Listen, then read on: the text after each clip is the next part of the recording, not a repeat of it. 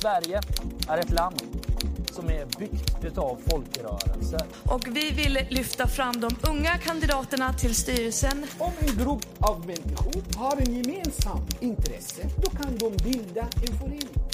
Det är en gryende folkrörelse. Goddagens och välkomna till detta 18 avsnitt av Civilsamhällespodden. Eh, Och även detta avsnitt så skulle jag vilja påminna om den osynliga formalians hyllande. Det är ännu inte för sent att nominera, så in på www.civilsamhallespodden.se och gör detta nu. Jag heter som vanligt Charles Metzma och till vardags så hittar ni mig som förbundssekreterare i Sverok, men här så representerar jag mig själv. Och idag så sitter jag tillsammans med Amelia Andersdotter som är ordförande för föreningen Dataskydd.net. Goddagens! Hej hej! Är du redo? Ja, men då kör vi och först ut på dagordningen är det som vanligt att vi ska lära känna dig lite bättre. Så det gör jag genom att ställa frågan, hur kommer det sig att du blev en engagerad människa? jag eh, började som naturvetare på gymnasiet och eh, hade föreställt mig ett eh, liv inom fysiken med beräkningar på naturliga fenomen. Men sen blev jag på något sätt indragen i hela den här rörelsen kring öppen mjukvara och senare Piratpartiet och frågeställningar kring interaktioner mellan människor och maskiner. Jag jobbade med Piratpartiets ungdomsförbund, Ung Pirat och eh, inverkan av internationell politik och handelspolitik på svenska förhållanden och europeiska förhållanden och hur tar man egentligen reda på vad som händer i EU. Och sen hade jag turen att kunna ägna mig åt EU-frågor på heltid i ungefär fem år från och med att jag var 21. Jag blev vald till Europaparlamentet. Och eh, så, så har det väl bara liksom rullat på sen dess då. Jag tycker samhällsproblemen kommer till mig och sen tittar jag på dem och ser om är det här rimligt och om det inte är rimligt så försöker jag göra någonting åt det. Jag drivs väldigt starkt av den här önskan om att saker ska vara rimliga. Men det låter ändå spännande hur du lyckas trilla från alltså, beräkningar på naturliga fenomen till, eh, till piratrörelsen. Eller var steget inte så långt som det låter? Ja, det är inte så långt som det, det är inte så långt som det låter. Så jag trillade in på öppen mjukvara för att jag fick reda på att fysiker skriver alla sina akademiska papper i en, ett, en mjukvara som heter LaTeX, som är ett särskilt formateringssystem. Och när jag var 13 år gammal så var det en kompis till mig som sa att för att använda LaTeX så måste man kunna Emacs. Mm. Så då blev jag en dedikerad Emacs-användare. Det är en sån ordbehandlare för eh, det är en gammal ordbehandlare som har funnits sedan 70-talet. Då. Så en ganska spartansk eh, mjukvara men ändå väldigt funktionabel och vanlig idag framförallt på Linux-system. Mm. Då. Så då, då blev jag Linux-användare och eh, ja, tidigt i Piratpartiets historia, runt 2006, så var det väldigt många öppen källkodsentusiaster som var med där. Som tyckte det var viktigt att så, offentliga pengar ska gå till öppen kod. Det tyckte jag lät också rimligt. Eller eh, offentliga medel ska gå till öppen kunskap. Det liksom bara kändes som att det var, det var rätt. Mm. Och så. Men har det varit då liksom just den här eh, alltid det rimliga som har drivit det eller har det blivit någonting annat på vägen också? Jag ser det fortfarande som att jag i främsta rummet eftersträvar någon sorts rimlighet. Ibland också konsekvens. Sådär att eh, till exempel om staten, har, om staten har skrivit under konventioner och avtal som innebär att staten har åtagit sig vissa skyldigheter mot sina medborgare så upplever jag det i konsekvensens namn. Om staten inte vill följa de åtagandena då bör staten eller regeringen i alla fall vara tydlig med det. Mm. Sådär. Att det, det finns ett egenvärde i att maktutövande sker på ett ärligt och tydligt sätt som det kanske inte som jag inte upplever att man riktigt gör idag då. Så här, integritetsfrågor är ett lysande exempel på det eftersom regeringen brottas med både domslut från Europadomstolen och från EU-domstolen och skapar så här juridiska småmanövrar för att ta sig, bi, ta sig förbi domstolens resonemang. Eh, och eh, Piratpartiet har jobbat mycket med så här, upphovsrättsfrågor också. Eh, och det är också en sån här rimlighetsgrej, att går det att ha ett regelverk som de flesta inte klarar av att följa i sin vardag? Är det rimligt? Eh, Och det, svaret, för mig är i alla fall svaret så uppenbart nej på det. Det är ju orimligt. Man måste ha regler som människor kan förstå och som de kan följa. Och sen kan man, om man vill diskutera då så här, ska vi finansiera kultur på något sätt? Det kan vi prata om, men den finansieringen måste då också ske på ett rimligt sätt. Det kan inte vara en finansiering som förutsätter att människor i sin vardag ska vara otrygga över att det de gör är lagligt eller fel. Sådär. Mm. Eh, Så jag ser ju, eh, rimlighetsbedömningarna blir på något sätt subjektiva i och för sig. Att jag definierar det som, som jag ser som rimligt då som, som rimligt. Men det bara känns som att det är rimligheten som någonstans ligger i fokus där för, för vad jag hoppas att mitt engagemang tar vägen. Mm. Hur gick vägen sen från, eh, från piratrörelsen till dataskydd då? Dataskydd.net ska jag väl kanske säga för tydlighetens skull. Efter valkampanjen 2014 så eh, EU började förhandla dataskyddsförordningen 2012. Det var då EU-kommissionen lade sitt förslag. Det var ett förslag man hade väntat på under väldigt lång tid, redan 99. Så 1999 så visste man att det tidigare dataskyddsdirektivet inte hade haft önskade effekter för den europeiska marknaden. Det var svårt för enskilda privatpersoner att utöva sina rättigheter i EU-området och liksom hela, hela dataskyddsgrejen hade fallit ganska platt. Den hade helt enkelt inte önskad effekt. Det gjorde inte vad man förväntade sig. Så man hade väntat på en dataskyddsreform i EU under väldigt många år. Men det hade aldrig funnits tillräcklig politisk handlingskraft i EU-kommissionen för att få det gjort. Och 2009 så kom en kvinna in på eh, direktoratet i EU-kommissionen för rättvisefrågor och mänskliga rättigheter som heter Viviane Reding. Hon är en färgstark luxemburgsk kristdemokrat som inte skräder på orden och inte har någonting emot alls att vara kontroversiell eller lägga storvulna förslag. Hon är som en, liten, hon är som en EU-populist.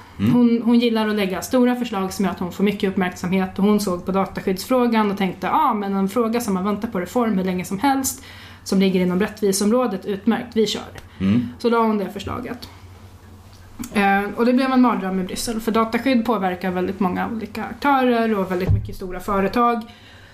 Och eh, stater har också så här, väldigt mycket inbyggda relationer till hur de ser på dataskydd och på mänskliga rättigheter och sen 2001 ungefär så har väl kanske inte mänskliga rättigheter och särskilt integritetsfrågor varit prioriterade hos regeringar.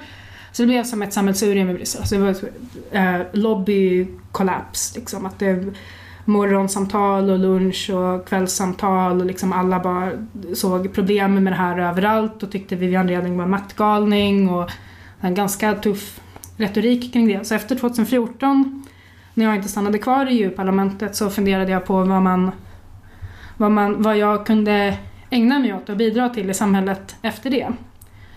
Eh, engagemanget för dataskyddsfrågor och för EU-frågor i Sverige var ganska lågt.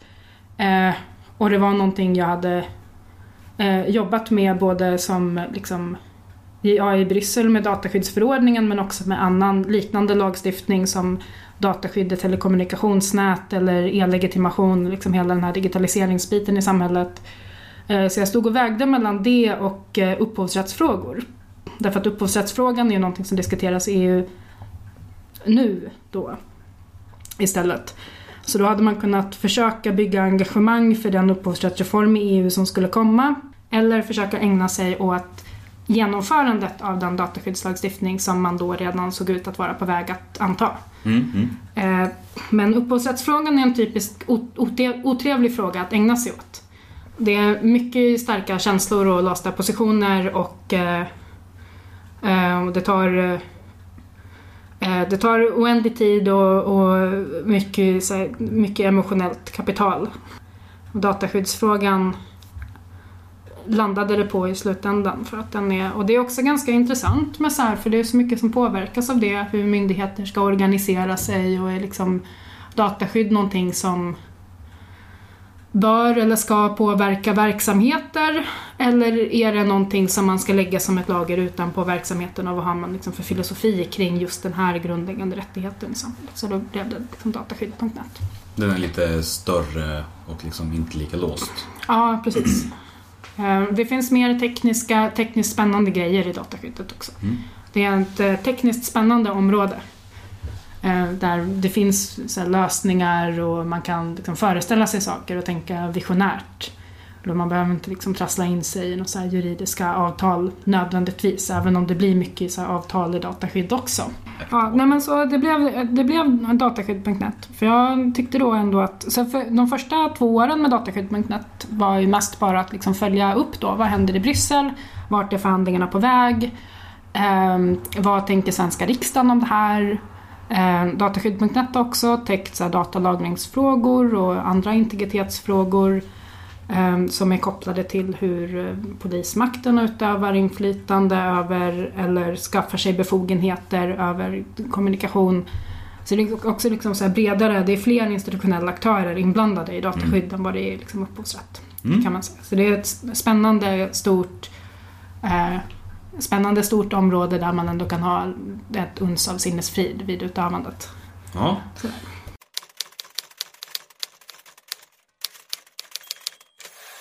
Men det här blir ju en jättespännande bakgrund för det temat som vi ska prata om idag är ju just eh, dataskyddsförordningen eller då GDPR som den också General Data Protection Regulation. precis så.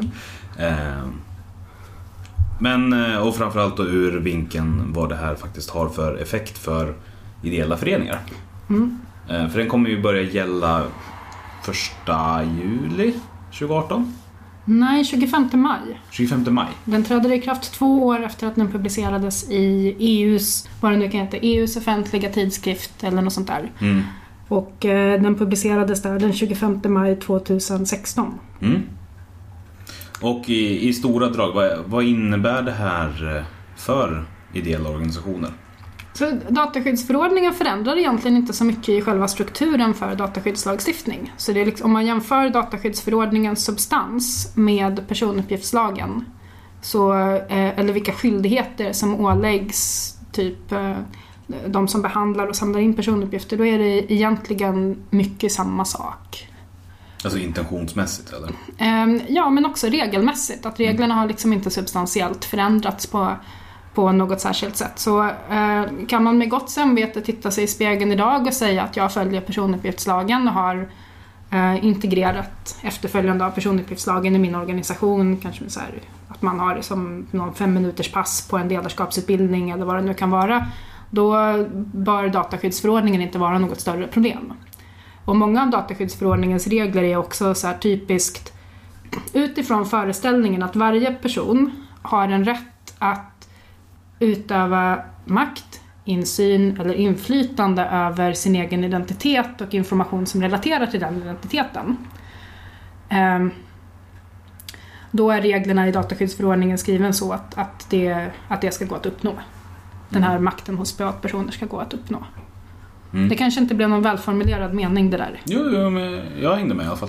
Ja, så, så har man bara det liksom i, i grunden för hur man föreställer sig att man behandlar personuppgifter. Varje person har rätt till makt, insyn, inflytande över sin egen identitet.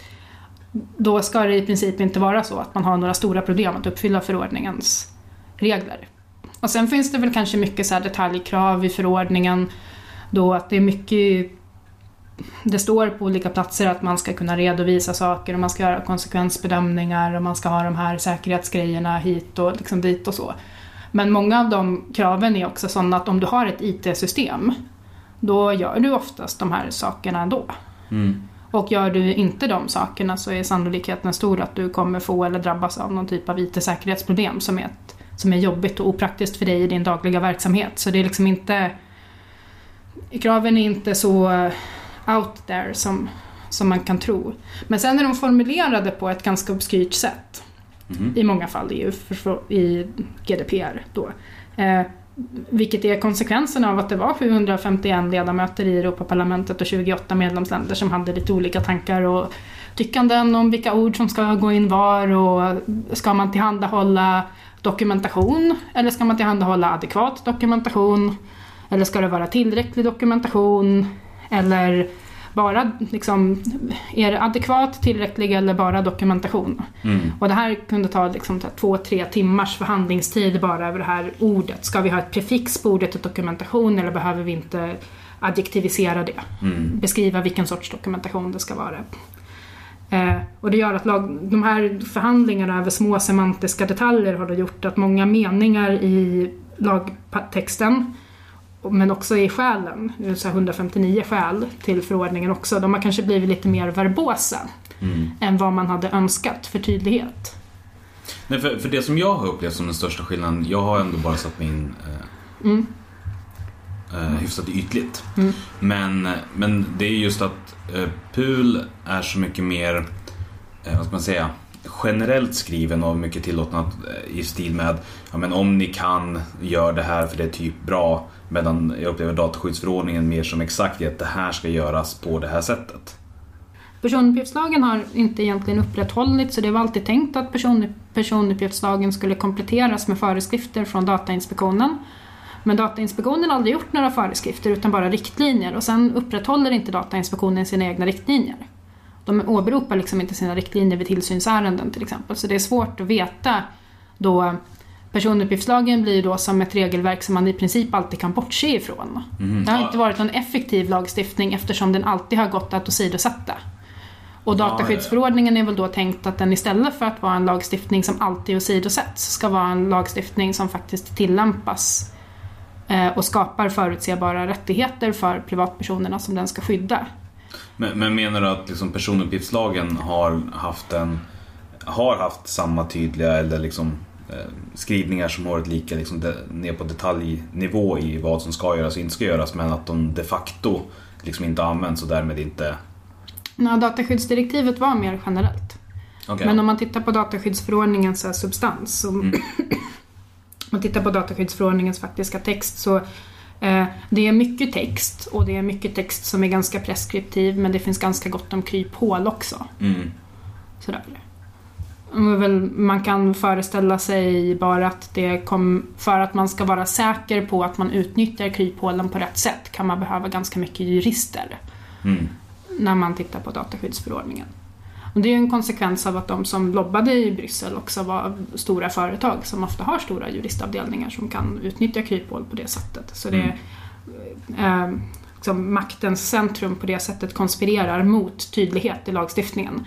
Men dataskyddsförordningen hade som ambition att till skillnad från dataskyddsdirektivet från 95 som ligger till grund för personuppgiftslagen eh, se till att ambitionerna med dataskyddslagstiftningen faktiskt efterlevs. Och då upplevde man att det behövdes mer preskriptiva regler. Också för tydlighetens skull och för att det har visat sig att datainspektioner i Europa över inte är förmögna att utveckla just egna föreskrifter. Många datainspektioner har liksom suttit och eh, inte gjort något i många år istället för att utveckla de här mer tydliga reglerna för hur man ska processuellt gå tillväga för att uppnå lagstiftningens ändamål, Mm. syften.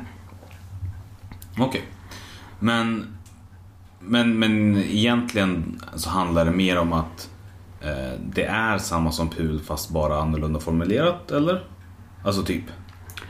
Grundprinciperna är ju inte ens annorlunda formulerade. Om man tittar Nej. på de här grejerna som typ ändamålsbegränsning, dataminimering, lagringsminimering, eh, korrekthet, liksom att uppgifterna ska vara riktiga. Du ska inte skriva ner i, i man ska inte skriva ner i ett, i ett register på Försäkringskassan att du har ADHD om du inte har det. Sån här riktighet, eh, integritet och konfidentialitet. De sakerna har redan funnits i dataskyddslagstiftningen tidigare och där det framförallt har tillkommit regler eh, i dataskyddsförordningen nu. Det är i de delarna som beskriver säkerhet. Mm. Så vad är det som ska uppfattas som, som säkert i förordningens bemärkelse? Och sen har det också tillkommit ganska mycket regler för det man i svensk rätt kallar för registerhanterare. Som då skulle vara typ eh, Föreningen Kaffemugg har hyrt in Amazons moln för att hantera sitt medlemsregister. Vad har då Amazon för skyldigheter att se till att föreningen Kaffemugg faktiskt har eh, bra och säker och lagenlig personuppgiftshantering? Mm. Eh, Så då har man fört in en massa processuella regler som då gäller även för Amazon i det här fallet. Att Amazon har till exempel en skyldighet att hjälpa föreningen Kaffemugg att uppfylla kraven i förordningen. Ja, trots att deras tjänster inte liksom per se är till för lagring av uppgifter. Från den föreningen ja. Mm. Mm. Mm. Så, så många av reglerna är så. Och skulle man titta på men, och, så, men sen är det också så här, typ rätten till information och rätten till rättelse. Så att man ska kunna berätta för privatpersoner vad är det egentligen jag håller på med i min förening. Så här, vad, vad är det för uppgifter jag sparar i mitt medlemsregister? Säljer jag dem till någon? Eh, delar jag ut dem till någon annan? Eh, samlar jag in personnummer? Varför då? Eh, kan jag låta bli att samla? Det är sådana saker som egentligen är ganska intuitiva att man håller koll på i en verksamhet. Därför att om den här informationen inte finns, då kan inte privatpersoner utöva sina rättigheter mot dig. Mm. Om de inte får reda på vad du gör, då kan inte de hålla dig till svars för vad du gör. Mm. Eh, och IT-system, men databehandling i allmänhet har ofta den kvaliteten att det är lätt att göra det i skymundan för den privatperson vars uppgifter du behandlar. Mm. Och det är svårt för privatpersoner att få insyn om inte du frivilligt delar med dig av den. Men då är dataskyddsförordningen i, eh, har mer inte principiellt fler, men i alla fall tyd, tydligare ambitionen är där tydligare att privatpersoner faktiskt ska delges den här informationen Mm. också. Så om det hade under dataskyddsdirektivet kanske varit lättare att typ låta bli så kan man under dataskyddsförordningen kanske inte på samma sätt förutsätta att man slipper berätta vad det är för uppgifter man samlar in och varför. Och poängen med det är då att privatpersoner ska kunna utöva sina rättigheter själva. Sådär. Mm. Om du har ett medlemsregister då ska var och en av medlemmarna själva kunna förstå att de är med där och kunna klaga på att de är med i registret ifall de inte vill Mm. Eh, vara med där. Och så. Men, men om vi tänker oss att eh, den personen som lyssnar nu inte har liksom någon lyssnar på det här och har väldigt dålig insatt eh, i liksom PUD överhuvudtaget och vad det här kommer innebära. Att man liksom har upptäckt det här med personuppgiftsfrågor i och med det här nya. Vilka är då liksom grunderna som, som du har nämnt här tidigare? Jag ser på dataskyddsförordningen som en principiell lagstiftning. Så där, att syftet är att det ska vara lätt för privatpersoner att få insyn i och inflytande över hur uppgifter om dem själva behandlas. Eller samlas in. Och det är för att man ska förstå vem det är som är i ställning att, eh, att påverka en själv. Det är som en eh, dataskyddsförordningen konceptualiserar en rätt att inte bara vara den man är idag utan också kunna utöva rimligt inflytande över vem man blir imorgon. Mm. Så en, en sorts rättighet till det nuvarande och det framtida jaget. Jag har en rätt att försöka förstå vem det är som försöker påverka mig och hur jag och med vilka medel de påverkar mig. Så om man utgår från det och ser på liksom, registrering av personer som ett sätt att tillmäta de personerna tillhörighet till vissa grupper eller anslutningar. Då kan man tänka på resten av dataskyddsförordningen som bara en sorts hjälp för privatpersoner att utöva, att utöva den här insynen och eh, det här inflytandet. Eh, dataskyddsförordningen har flera hjälpsamma principer som eh, och så på det så kommer också informationssäkerhet, alltså hur man håller information säker, som är en del av dataskyddsförordningen men som skulle kunna ses som lite bortkopplad från det här liksom identitetsrättigheten då. Ehm, Och då finns det principer i dataskyddsförordningen som är, som är tänkta att vara hjälpsamma. Typ eh, dataminimering, samla inte in fler uppgifter än vad du absolut behöver för att göra någonting. Kan du undvika att samla in person, personnummer, gör det. Måste du ha både telefon och e-postadress till någon? Eh, är, behöver du personernas namn eller räcker det med en pseudonym? Liksom den typen av grejer. Måste du ta reda på vad deras syskon heter? Den typen av grejer. Så att det skulle kunna vara problematiskt att, om man, in, att man börjar samla in folks skostorlekar men inte kan hävda varför man har det behovet av den informationen. Ja, men typ. Dataminimering. Så när du ska samla in en personuppgift om något, bara tänk på liksom, varför behöver jag den här uppgiften? Om du kommer fram till att du inte behöver den, så låt bli att samla in den. Och dataminimering är viktigt av dataskyddsskäl, alltså för ju mindre information som, som sprids om varje privatperson, desto mindre information kan läcka. Men det är mest en informationssäkerhetsåtgärd, helt enkelt. Att det är lätt, ju mindre information du har, desto mindre information kan du ställa till med ofog med. Lagringsminimering är liksom samma sak, att du ska inte spara informationen längre än vad du behöver den. Eh, korrekthet, Men om man tänker på liksom som lagringsbiten då. Ja. Vad är skäligt att spara men en medlemslista till exempel? Ja, om en medlem går ur din förening så tar du väl bort dem ur medlemsregistret. Och nu vet jag att det är många föreningar i Sverige som inte har gjort det av bidragsskäl. Men eh, människor som har gått ur din förening har ingen skyldighet att hjälpa dig få bidrag från staten eller från kommunen eller något sånt där. Och det tycker ju egentligen inte staten heller att de har. Ehm, Så nu är det kanske mest politiska ungdomsförbund som har ägnat sig åt detta. Men, Det är åtminstone de som åkt fast mest. ja, precis. Men, eh, men sådär, lagringsminimering säger där att om någon går ur din förening så ska de inte vara kvar i medlemsregistret. Och, eh, om, man inte kan, om man inte kan finna det i sitt hjärta att avassociera människor från sin förening som har valt att avassociera sig från föreningen. Då kan man ju i alla fall försöka motivera sig med att det finns någon sorts global samhällsnytta i att man inte, att man inte utger människor för att vara medlemmar i en sammanslutning de de facto inte längre är med i. Mm. Det, så eh, det skulle vara lagringsminimering. Till exempel.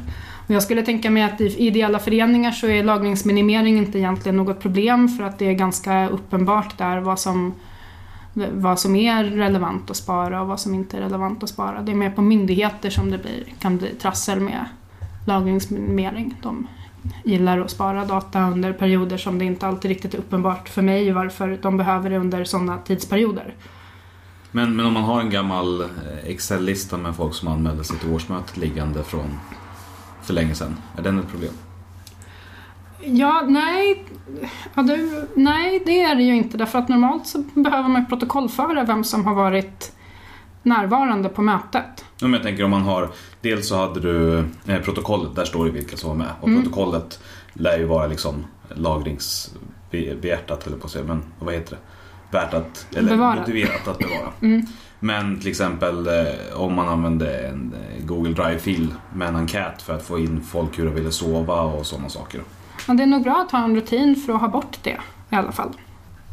Så Mm. kan det vara. Men sen tror inte jag att det kommer, det är liksom ingen som kommer gå ut och leta på Google Drive efter någon som har glömt att ta bort en Excel-lista med privatpersoner som har anmält sig till årsmötet. Men bara i allmänhet så är det bra att ha rutiner för att ta bort data som inte behövs. Mm. Så, eh, och det kan man tänka på då, liksom inte bara... Och det är också som ett sätt att vara schysst mot de privatpersonerna som, är på, som har varit på årsmötet eftersom den här informationen blir kvar hos Google, vilket gör att Google har möjlighet att ehm, kartlägga eller se vilka som har varit på vilka föreningar, sammanslutningar och sådär. Och ju längre informationen ligger kvar, desto, större, desto bättre förutsättningar har Google att kartlägga det. Så man skulle kunna tänka det som ett sätt att bara visa hänsyn mot årsmötesdeltagarna visavi Google. Att man får se sig själv där som en mellanhand mellan mötesdeltagarna och Google snarare än som, som eh, den som liksom att det, istället för att man tänker bara att det är någonting som besvärar en själv så kan man tänka att man hjälper sina medlemmar att, eh, att bli mindre utsatta gentemot Google. Mm. Eh, ja, Men det var lagringsminimering. Ja. Och det är lagringsminimering. Och sen finns det andra så här, typ att man ska spara rätt uppgifter och de ska sparas lagligt. Det är lite diffusa. eh, De det kommer väl vara fortsatt otydligt tills vi får de första rättsfallen egentligen. Nej, men rätten till rättelse är till exempel att du ska inte, om du har ett medlemsregister och det står att jag bor i Borås men jag bor i Allingsås. Så har jag en rätt att få det rättat. Att du Mm. ska kunna spara riktiga uppgifter om mig.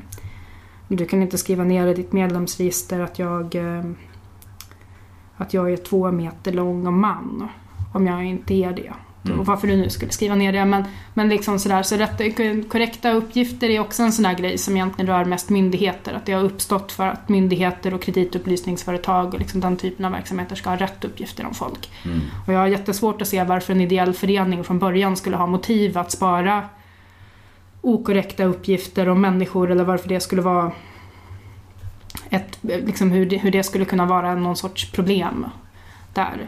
Och den här principen om laglighet och korrekthet som är lite förvirrande på svenska, samma namn som Mm. eh, den här principen om att uppgifter ska vara korrekta i bemärkelsen riktiga.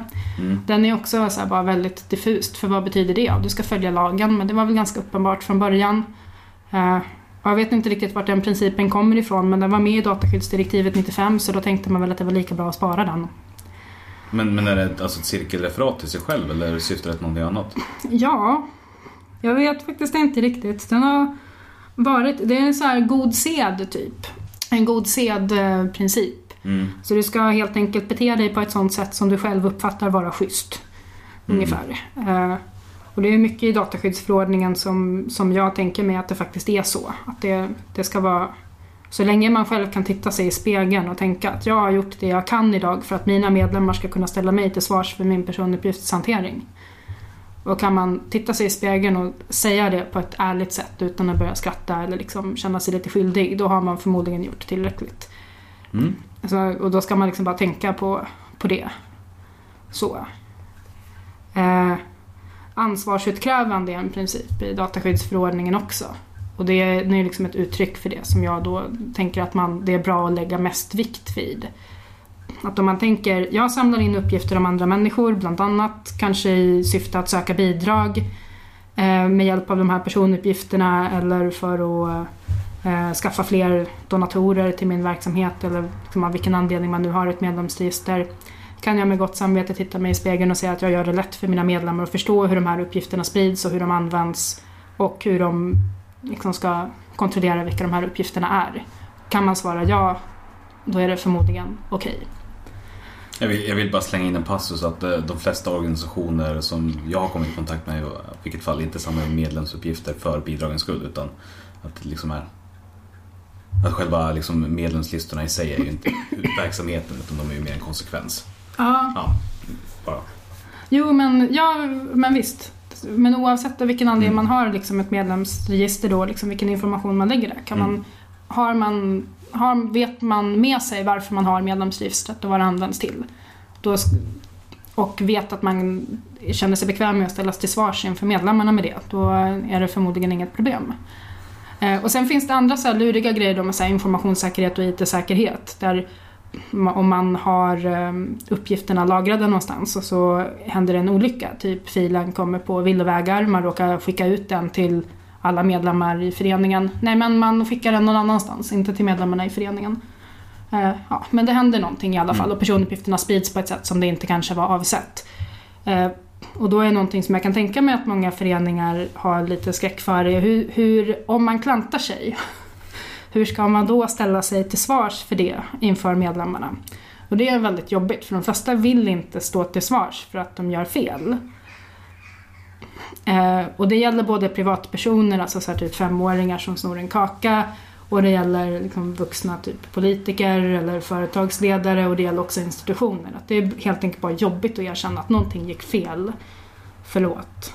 Mm. Men där har ju dataskyddsförordningen också inte, inte egentligen tvingande men i princip någon sorts uppmuntran till att man ska kommunicera med privatpersoner även då.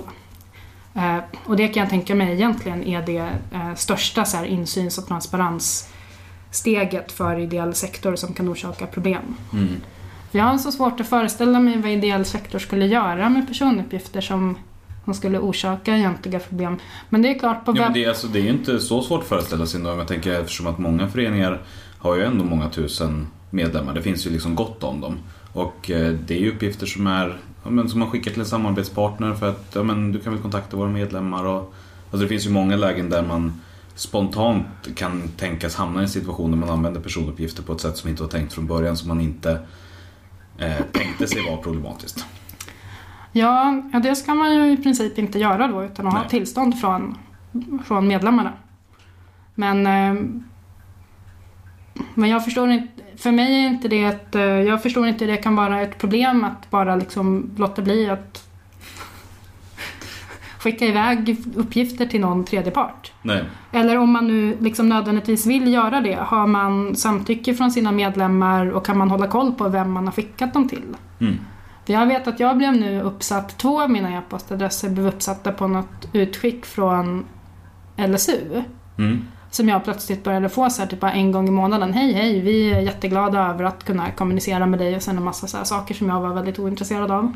Och jag tänkte så här, ah, okej, ska jag sätta upp ett automatiskt e-postfilter och bara kasta de här mejlen?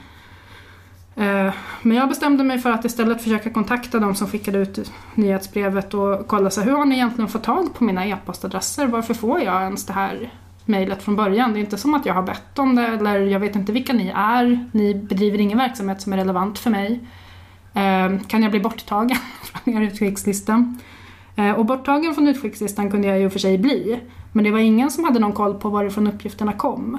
Mm. Och nu tror jag i och för sig att de har fått uppgifterna från Ung Pirat deltog i LSU samarbetet Mm. när jag var med i förbundsstyrelsen där mellan 2008 till 2010. Så förmodligen så har jag då hamnat på någon utskickslista som sen bara har liksom skickat iväg. Men konsekvensen av det blev ju att jag då sex år senare började drabbas av någonting som jag uppfattade som spam. Mm. Som jag störde mig på. Eh, så, så där kan väl jag tycka då att om man har man sådana rutiner i sin organisation att man inte utsätter tidigare medlemmar eller liksom tidigare affilierade för spam så är väl det inte nödvändigtvis en dålig sak. Nej. Och upplever man som organisation att det är ett fruktansvärt problem att inte spamma folk eh, då kan man nog behöva göra, ägna sig åt lite självrannsakan.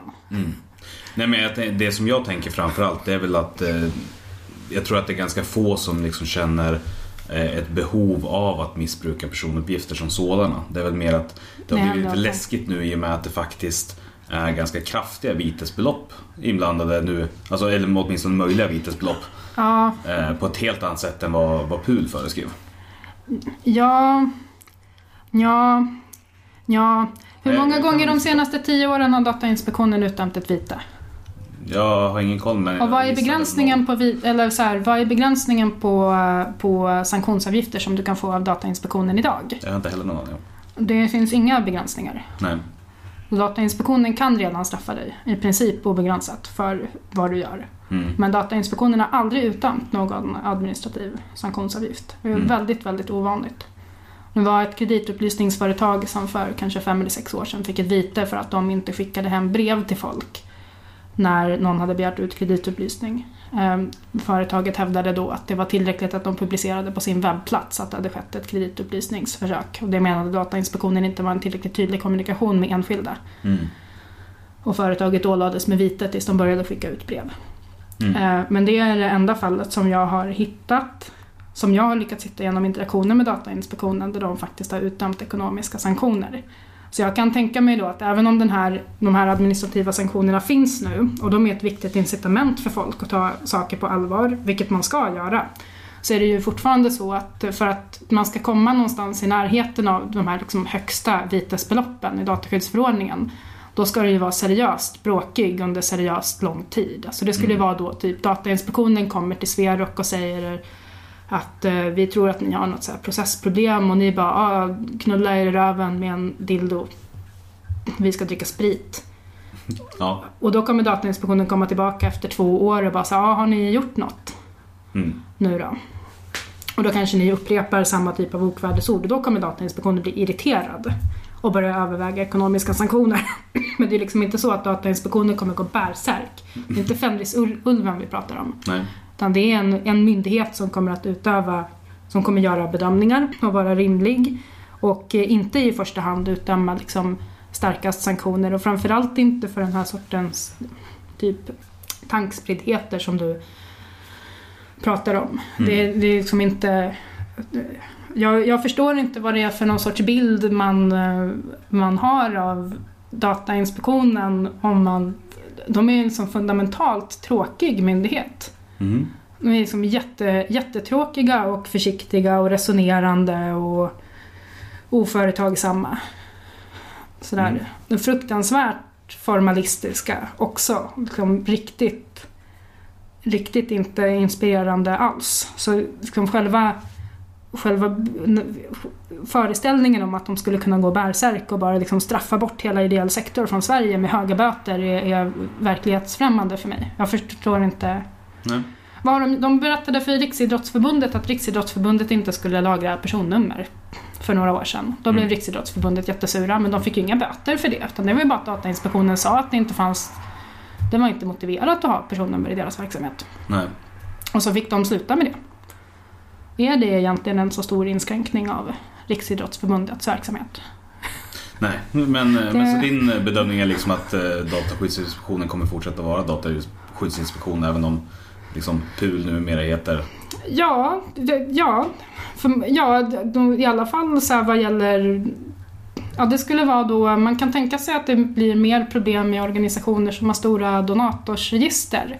Så att man ägnar sig åt mer komplexa behandlingar av personuppgifter där man kanske samlar in eh, och det blir så här open intelligence på folk och säga så här, okej du twittrar om det här, då kanske du är intresserad av att donera pengar till det här. Och liksom den, den typen av grejer. För då måste man samla in, då måste man på ett mindre uppenbart sätt än till exempel vid en medlemsregistrering börja samla in uppgifter om privatpersoner på ett sätt de inte har kontroll över. Så där kan det kanske finnas större behov då av att gå igenom och kontrollera vad man har för processer och hur samlar man in och hur informerar man om det och så. Ja, just eftersom att det är själva samtyckessteget, jag är Ja. bli medlem, saknas. Precis. Men eh, om man går med i eh, om man går med till exempel eh, ja, dataskydd.net då gör man väl det rimligen i vetskap om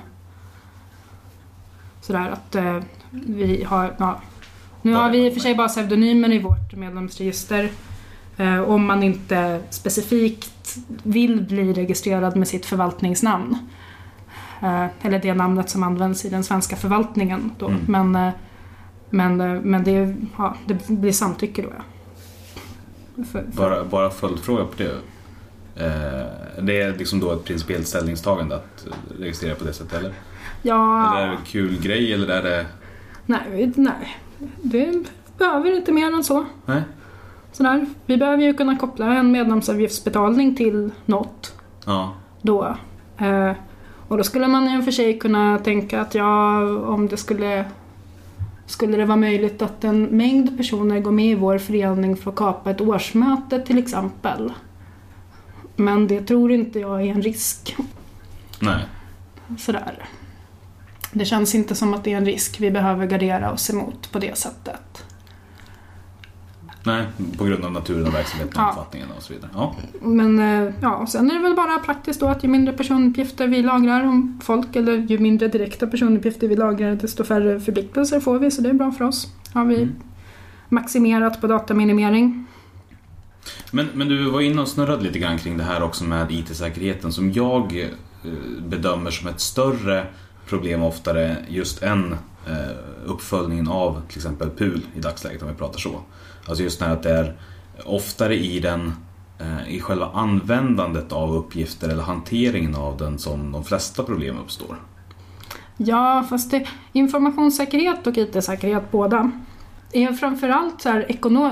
det, kan vara det är lite dyrt och tråkigt med IT-säkerhet och med informationssäkerhet. Så du måste tänka på saker och det, enk- det vanligaste sättet man hanterar informationssäkerhet och IT-säkerhet är genom att skapa någon process som tar tid och så måste man fylla i papper och så blir det liksom tråkigt och kanske investera i mjukvaruutveckling och, och liknande. Men dataskyddsförordningen har en ganska smart princip med incidentrapporter inbyggd som är halvt importerad från USA. Mm.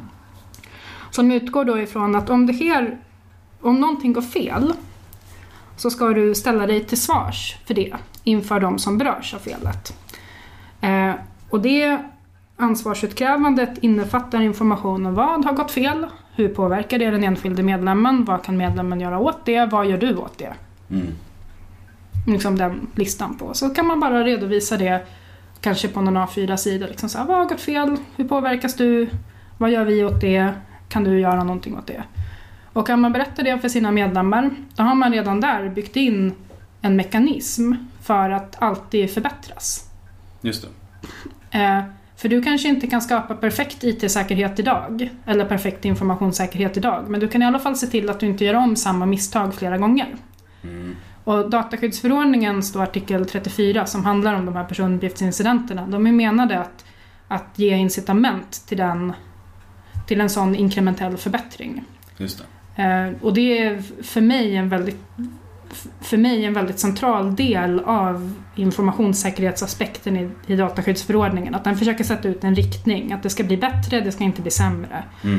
Och det ska inte fortsätta vara lika dåligt. Eh, och nu har väl kanske varken Datainspektionen Alltså den här principen kommer från USA och implementerades först i lagstiftning i Kalifornien 2008.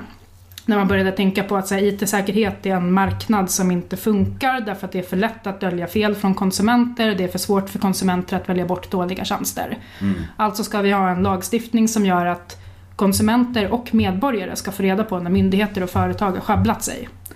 Och det behöver inte vara någon så detaljerad teknisk information om exakt vilken, om det var någon så exakt sårbarhet som missbrukades eller liksom vilken version på Excel använde du när du gjorde någonting. Utan det behöver vara tillräckligt med information för att man ska förstå vad har hänt, påverkas jag? Vad gör vi?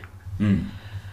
Eh, och den blev väldigt framgångsrik i Kalifornien, den här lagstiftningen, och nu spritt sig till 48 andra, 47 andra delstater i USA. Och man försökte importera den i EU runt 2009. Eh, men man stötte på patrull hos medlemsländerna som inte känner sig så, alltså i EU då, så här Sverige Mm. och Nor- eh, inte Norge, men Danmark och Tyskland och alla de här. Som inte tyckte att det kändes så bekvämt att lita på konsumenter och medborgare bara att liksom fatta egna rationella val om vilka produkter som är bra. Utan då tänkte man att man istället skulle ha en myndighet som sitter mitt i och samlar in all den här informationen och sen kan myndigheten berätta för både företag och konsumenter vad de ska göra. Och den grejen finns kvar i dataskyddsförordningen också. Att man tänker sig Datainspektionen som ett mellanlager mellan IT-säkerhetsincidenten och privatpersonen. Ja, tanken är att det är en slags garant. Ja, men det kanske inte är det som är bästa Ekonomiskt så är det inte en vettig modell, den som man har valt i dataskyddsförordningen.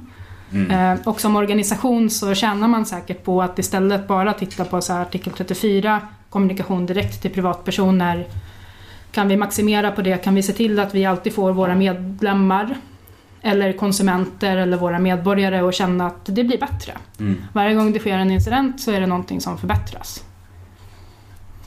Det hela låter ju eh, rimligt på något sätt. Ja, och, ja men man, liksom, man behöver inte göra det så komplicerat heller. Att, eh, jag tror att många har med de här incidentrapporterna tänkt att ah, nu kommer vi behöva spilla ut en massa företagshemligheter och skriva ner liksom, en massa detaljerad pappersinformation och sådär. Men man behöver inte göra det så svårt. Man kan tänka sig vad är det enklaste sättet jag kan förklara? Vad har hänt?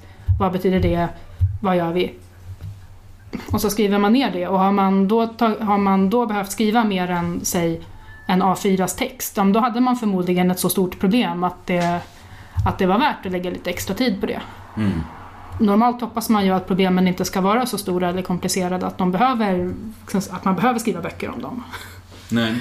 Det- menar överhuvudtaget väldigt... Eh, jag tycker spontant att det är en väldigt tilltalande modell. Alltså på något sätt, alltså just det här inbyggda inkrementella förbättrandet. Att det hela tiden är en, alltså en inbyggd strävan om att göra saker bättre. Snarare än att straffa, alltså i första hand. Ja, men det är, den ekono- det är lånat från säkerhetsekonomi då. Att man ser säkerheten som en ekonomisk process. Mm. Någonting som utvecklas över tid, eller som en marknad då helt enkelt. Hur får man bättre tjänster över tid? Hur, eller bättre datahantering över tid? Finns det någonting kopplat till det här som vi har pratat om som jag inte frågar om som är viktigt att ta upp eller intressant eller så? Jag hade tänkt på någonting som är så här webbutveckling. Det är ju någonting som dataskydd.net nu i och för sig har också tänkt på väldigt mycket. För vi har pratat om eh, medlemsregister. En, en sak som är lurigt med dataskydd är i webbutveckling när man på sin webbplats lägger in en massa kontakter mellan privatpersoner och webbföretag. Hur menar du då? Om man på sin webbsida lägger in eh, tredjepartsföretag, till exempel Google Analytics Mm. eller Facebook-knappar eller Twitter-knappar eller skript som leder till tredjeparter som privatpersonen kanske inte i första hand förväntar sig att komma i kontakt med när de går till, låt oss säga, sverok.se. Mm. Men jag går till sverok.se för att Regeringen.se är egentligen ett ännu bättre exempel på det. Om man går till regeringen.se idag så får Google väldigt exakt information om vilka undersidor man, man besöker och eh, vilka rapporter man tittar på, vilka nyheter man tycker är intressanta. Och då För är att de frågan, har Analytics installerat. för att de har Analytics installerat. Och då är frågan, när du går till regeringen.se som svensk medborgare för att underrätta dig om vad din statsmakt eh, ägnar sig åt, förväntar du dig då att den informationen ska hamna hos ett webbföretag som sedan använder den informationen för att ge dig reklam? Så när det gäller just webbtjänster så blir det på ett annat sätt än med till exempel lokalt sparade medlemsregister eller liksom den typen av grejer. Så för- medlemsregister, även om du lägger dem i ett moln, alltså, så har du fortfarande de här registerhanterarreglerna i dataskyddsförordningen som gör att, att Google eller Amazon och de har någon sorts skyldighet att hjälpa dig upprätthålla dataskyddsförordningens regler. För webbtjänster så är det inte uppenbart att det är så. Därför att Google på regeringen.se är samtidigt tjänsteleverantör direkt till konsument eh, och bara någon så här osynlig tredjepart som kommer dit. Så i, i, på webbsidor och på webben generellt finns det ett eh, finns det mycket brist på transparens kring vem man hamnar i kontakt med och vem som får vilken information och hur lätt det är att koppla det till dig. Och det här med att man måste trycka ja, jag accepterar att eh, kakor sparas är inte, täcker inte in där heller va? Nej, det är en annan lagstiftning Mm. helt. Det kommer från ett annat regelverk. Eh, och det är också ett regelverk som nu håller på att omförhandlas i EU för att det har varit väldigt eh, otydligt vart kompetensen för den lagstiftningen ska ligga hos Datainspektionen eller Post och telestyrelsen och många medlemsländer har spritt ut kompetenserna på olika tillsynsmyndigheter. Det har blivit väldigt virrvarrigt. Eh, men de förhandlingarna pågår fortfarande nu då. Sannolikt så kommer det väl hamna hos Datainspektionen i framtiden. Den typen av lagstiftning också. Men bara när man utvecklar sin webbplats så kan man ju fundera på ifall, man, ifall det verkligen inte finns bättre alternativ än att använda sådana här tredjepartstjänster. Eh, Och använder man tredjepartstjänster så är man förmodligen eh, nödgad att skriva ganska komplicerade licensavtal för, sin, för besökare på webbplatsen. Tyvärr. Nu, alltså efter det att dataskyddsförordningen Ja. införs. Ja, därför att det är liksom annat än genom ett eh, tydligt formulerat eh, licensavtal för webbplatsen, eller så här privacy terms för webbplatsen, så finns det liksom inte några enkla sätt för de flesta användare att underrätta sig om vilka de ställs i kontakt med. Om man tänker att själva grunden i dataskyddsförordningen är att du ska ha makt över din egen information som individ och vem som kan påverka dig under vilka omständigheter. Då är de här webbtjänsterna som är osynliga i bakgrunden och bara samlar in data utan att du egentligen kan ta reda på det eh, liksom, typexemplet på när påverkan mot dig som individ kan ske utan din vetskap. Mm. Um, det var mycket anklagelser också i Bryssel mellan 2012 och 2016 att dataskyddsförordningen är skriven i princip för att ehm, bara hantera den sortens datainsamling också. Att det var väldigt stort fokus på webb. Men på webben så finns en stor brist på transparens kring vem det är som samlar in uppgifter och varför. Och även när vi besöker institutioner som vi inte förväntar oss ska lämna ut våra uppgifter till ja, stora reklamföretag så gör de det. Mm. Typ regeringen.se och Google Tag Manager då. Eh, Men det finns alternativ som man kan använda istället för Google Analytics och, som är liksom funktionellt ekvivalenta. Eh, Och, ja, man kan ju efterfråga, har man en, är man en så stor förening att man har en webbyrå som man hyr in, då behöver man ju bara prata med webbyrån om hur man kan dataskyddsanpassa webbplatsen. För på många gånger när det gäller webbutveckling så är det inte så att det saknas tekniska lösningar utan det saknas bara efterfrågan. Mm. Man har, det har liksom blivit något så här, eftersom PUL inte riktigt har upprätthållits så har det bara liksom utvecklats en industri som av lathet egentligen plockat upp de här tjänsterna från stora amerikanska företag som kommer färdigpaketerade och man kan väl tänka sig där att webbyråerna eh, skulle må bra av att utveckla kompetens för hur man sätter upp webbplatser som kanske inte skickar iväg uppgifter till så mycket olika oförutsägbara aktörer. Mm. Dataskydd.net gjorde ett projekt kring detta med, vi blev finansierade förra året Mm. för att titta på hur särskilt kommuner eh, har dataskydd på sina webbplatser.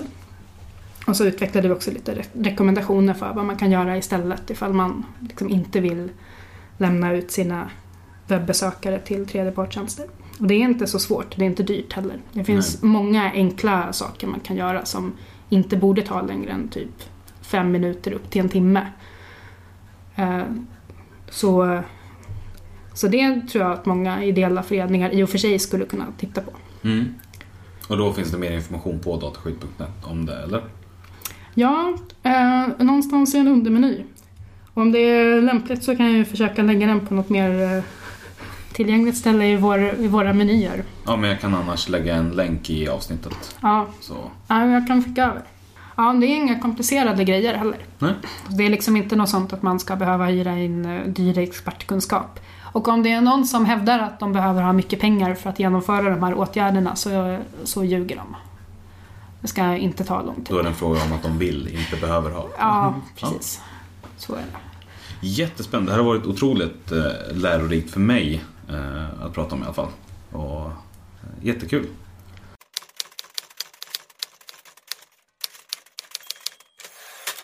Eh, nu så här avslutningsvis så tänkte jag be dig eh, dela med dig lite grann precis som alla som är med. Och då är det dels av någonting som, som du är riktigt stolt över som har gått bra och någonting som inte gick fullt så bra och framförallt då vad du lärde dig utav det. Kopplat till dina engagemang. När jag jobbade i Bryssel så fick jag ett tillfälle höra av en kompis att som eh, jobbade med påverkansarbete, alltså en lobbyist då, att eh, han hade blivit rekommenderad att prata med mig av en större politisk grupp. Mm. För jag var med i gröna gruppen då. Vi hade två eller tre röster i mitt utskott. Det är inte så många, det är 60 röster totalt. Men en av de lite mäktigare grupperna i utskottet hade rekommenderat den här personen att försöka idka påverkan mot mig för att jag var inflytelserik i utskottet.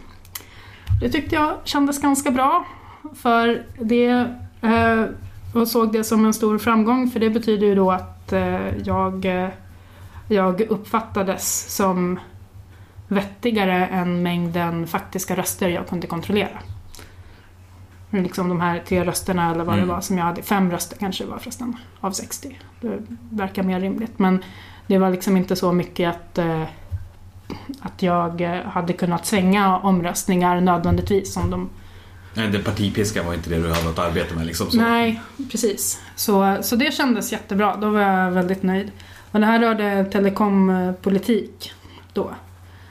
Eh, Men det kan jag. Vi, långt, alltså vi satt och hade ett ganska långt samtal här precis innan, innan vi slog på mikrofonen om just telekomindustrin som också var superintressant.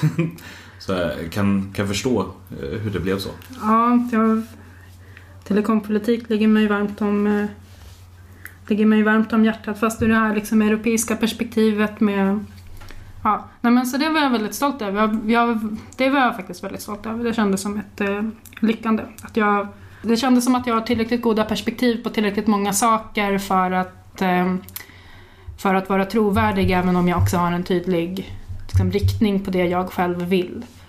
Eh, och jag försöker också separera saker som jag ser som konsekvenser av mina egna värderingar kring vad som är då eh, rimligt och bra från vad som är sakomständigheter.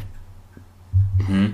Sådär. Eh, att jag tänker väldigt mycket på vad är det som är konsekvent, är, vad är det som gör att jag, vad är det jag vill uppnå eh, mot vad är sakomständigheterna och eh, vad innebär sakomständigheterna för det jag vill uppnå. Mm. Och se till att de hålls separat så att jag ska ja, kunna utnyttja då bättre Och inte låta dem beblandas annat än om du vill. Ja, men precis. Ja. Eh, och sen en sak. Jag funderade nu på vad jag skulle ta som eh, misslyckanden. De är som, som det så ofta är väldigt många. Men jag började experimentera med påverkansarbete mot regeringen efter 2014. Så här, vad, vad är påverkansarbete i Sverige? Vad är effektiv lobbyism i, i Sverige och sådär. Jag är väldigt präglad av min bakgrund i Bryssel på det också. Att i Bryssel så är lobbyismen väldigt professionaliserad. Och den är väldigt öppen och väldigt... Ja, det finns ett, ja, men den är också mer kompetent än i Sverige.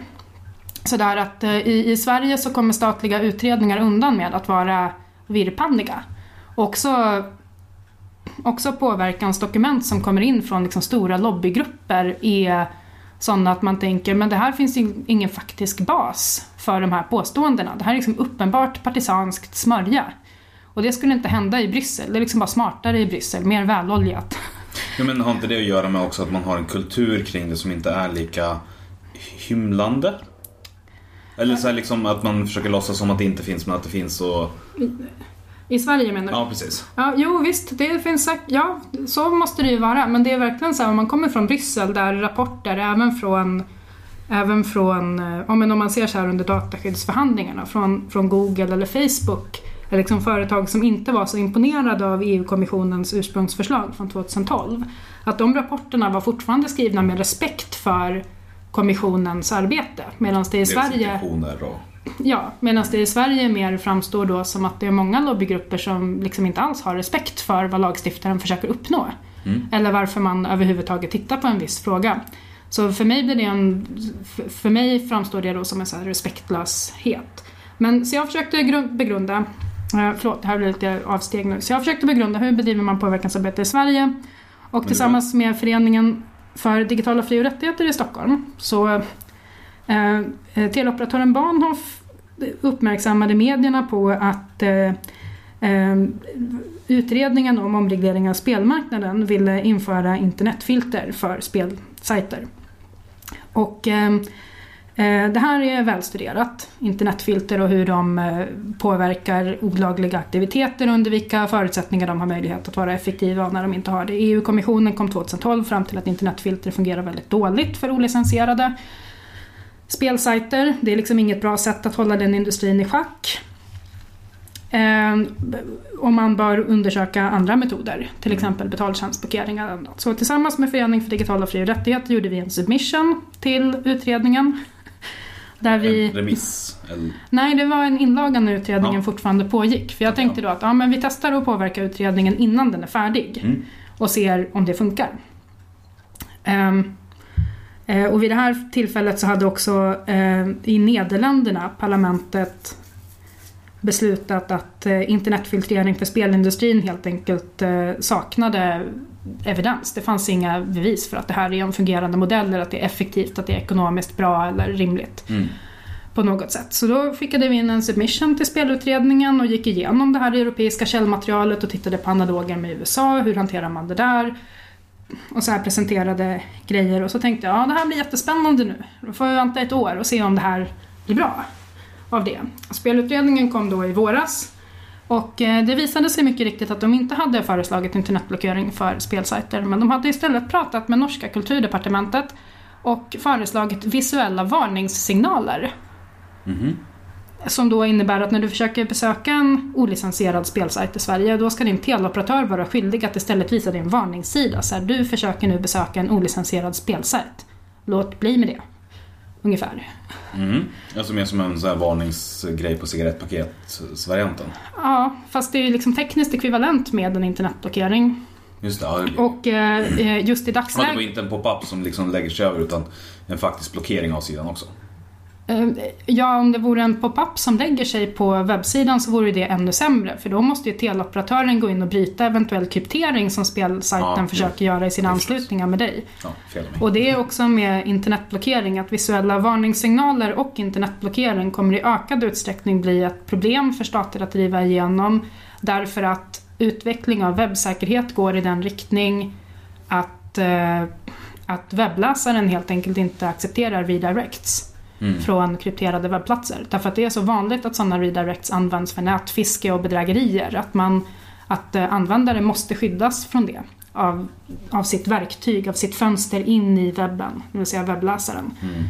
Eh, så det är ett väldigt... Eh, jag såg det då som ett stort misslyckande därför att jag inte hade lyckats förutse att det här förslaget... Det är liksom ett uppenbart korkat förslag eftersom det går stick i stäv med alla säkerhetsåtgärder som webbläsarföretagen och olika webbplatser försöker vidta för att hjälpa sina konsumenter inte bli bedragna.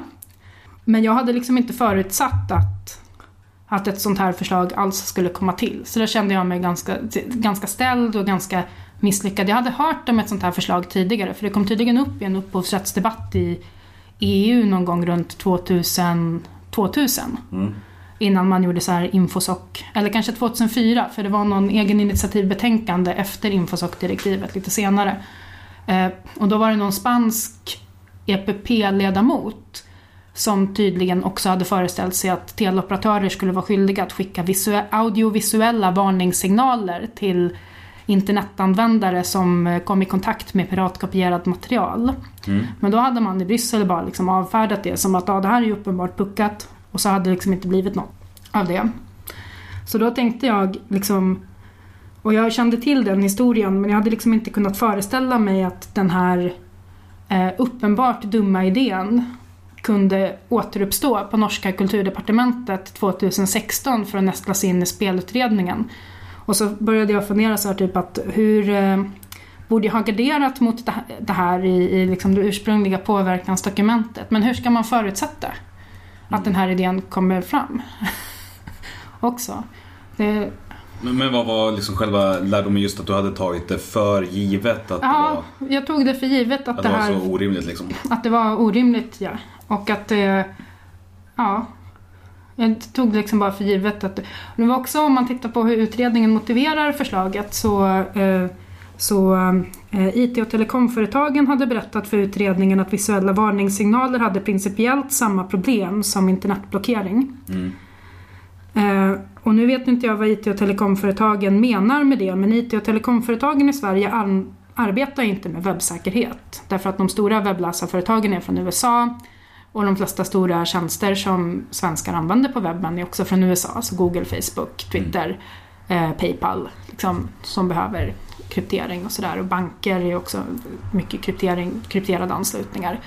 Eh, Men de ingår ju inte i telekomföretagen så det kan ju vara så att utredaren har försökt förhöra sig om det här förslaget med teleoperatörer för att det är en skyldighet man vill ålägga teleoperatörer. Men utredaren borde i själva verket ha pratat med helt andra industriaktörer för att förstå implikationerna av deras förslag och IT och telekomföretagen var inte tillräckligt smarta för att förstå att det var, för att ge utredaren den rekommendationen. Mm. Hmm. Nej, det är ju svårt det här med att ta saker för givet för att alltså, utifrån vilken synvinkel man har så blir det så otroligt olika vad som är självklart för, för dig och mig. Liksom.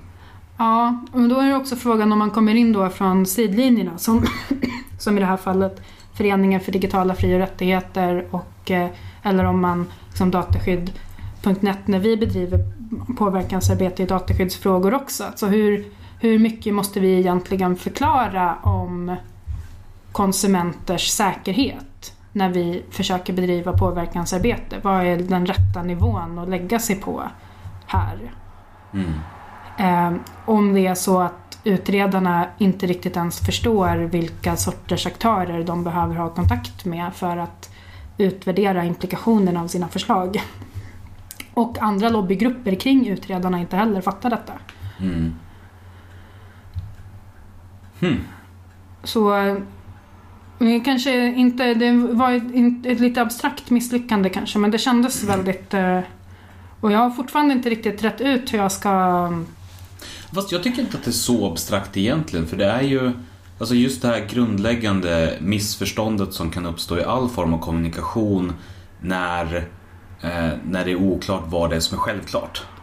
Ja, Alltså, för att det finns ju en liksom inbyggd problematik i när vissa saker är så uppenbart eh, otroligt, liksom, där det inte finns, egentligen inte finns några alternativ. Att det liksom är så svårt att ens förstå att det skulle behöva vara en grej. Jag var engagerad i en förening förut där, där jag satt som styrelseledamot men eh, där eh, den som var högsta tjänsteperson i organisationen sa att nej, du kommer inte att få se bokföringen. Eh, därför att det har inte du med att göra.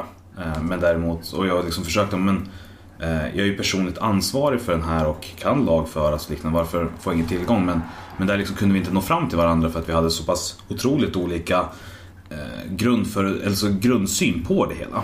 Och eh, där så gjorde jag misstaget att anta att det var självklart varför jag inte hade liksom gjort det kanske gått tillväga på det sättet som hade behövts för att nå fram till den personen i det läget. Alltså just att eh, beroende på vad som, som är självklart och inte så blir det det blir väldigt olika tillvägagångssätt. Så Ja. det handlar om att försöka sätta sig in i vilken världsbild det är jag försöker nå fram till. På något sätt. Ja, jag har fortfarande inte riktigt rätt, rätt, rätt ut det här. Nej. Men Dataskydd.net la in ett remissyttrande på spelutredningen i, i somras där vi påtalade det här med nätfiske och sådär. Och då kanske mitt uppdrag är, är slut där. Det kan ju vara så också att det inte finns något annat alternativ än att hantera saker i panik ibland. Det är liksom om det är tillräckligt svårt att förutsätta sådana saker så så, så är det ju det. Man kan inte, man kan inte förutspå alla sorters konstigheter. Men eh, ja, jag hoppas att jag har blivit lite, jag hoppas att jag har blivit lite bättre av det då. Jag har eh, fortfarande jag kan bli så väldigt frustrerad av sådana grejer också men jag hoppas att det ska avta med åren, att man blir äldre och liksom mer luttrad. Vi får Så. hoppas det. Ja, Men utan att det leder till någon slags... cynism. Precis. Man får inte bli, nej men jag är inte cynisk. Nej. För jag tror att det går att förändra saker men det går väl långsamt. Och det Ja, nej, men precis tillräckligt det- Mm. bra. Jag är glad om det går åt rätt håll. Små steg i rätt riktning. Det, så är det.